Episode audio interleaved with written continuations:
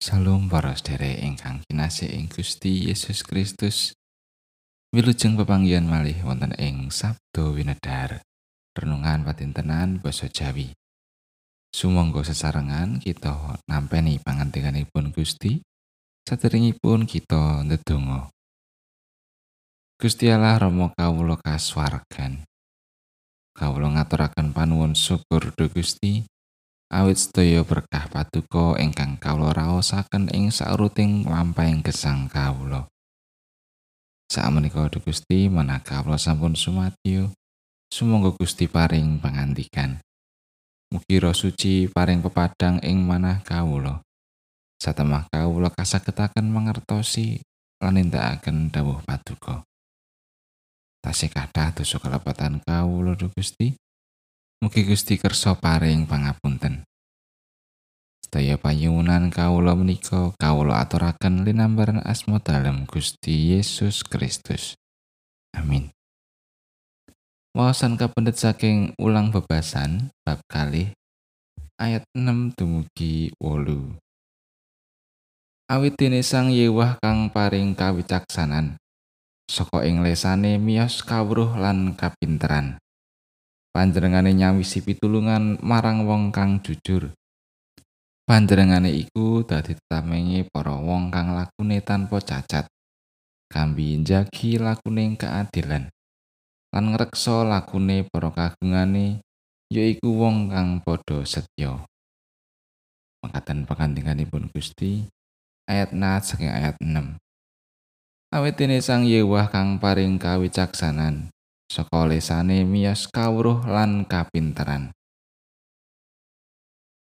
Menapa ingkang kita sami betahaken supados saged nglampahi gesang kanthi prayogi? Boten lamis bilih kita pancen betahaken bondo.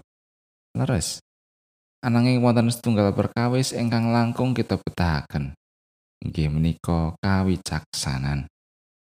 Gusti Allah ngersakaken supados kita sami ngudi kawruh lan pangertosan supados nggadahi kawicaksanan. Dene kawicaksanan menika ingkang dados dasar anggen kita nemtokaken sedaya putusan ingkang wigati magepokan kalian gesang kita. Kados pun dipatrapipun? Ingkang wiwitan inggih menika ngabekti dumateng Gusti Allah kanthi tumemen supados kabangun manah ingkang ajri asih dumateng panjenenganipun. Ing menapa? Awit ingkang dados wiwitaning budi inggih menika patrap gesang ingkang ajri asih dumateng Gusti Allah. Tiang ingkang mekaten badhe pinaringan kawruh, pangertosan lan kawicaksanan. Daya menika badhe nyagetaken manungsa ngadepi lan ngrampungi sedaya perkawis ing gesang. Kasagetaken milah-milah pundi ingkang sae lan awon sarta saged mutusaken ingkang leres saha bener. Kanthi mekaten kita mangertos pilih bab kawicaksanan. Kawruh lan pangertosan menika wosipun kawiwitan saking babakan bener menapa mboten ugi sae menapa awon. Menika wigati awit kathah tiyang ingkang ketingalipun pinter ananging dereng tentu tumindak lan pocapanipun bener. Pramila sumangga kita sami ngudi kawruh, pangertosan lan kawicaksanan. Kawiwitan kanthi ngabekti lan asri asih dumateng Gusti Allah. Kita badhe kacaketaken nyumerepi menapa ingkang dipun kersakaken dening Gusti Allah.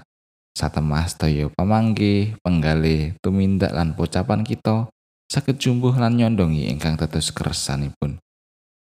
Kita lajeng kemutan datang Prabu Sulaiman nalika nyuwun dipun paringi kawicaksanan Gusti Allah lajeng nyembadani panyuwunipun. Malah boten namung kawicaksanan. Gusti Allah ugi nuwuhaken raja brana lan kamulyan dateng Prabu Sulaiman Amin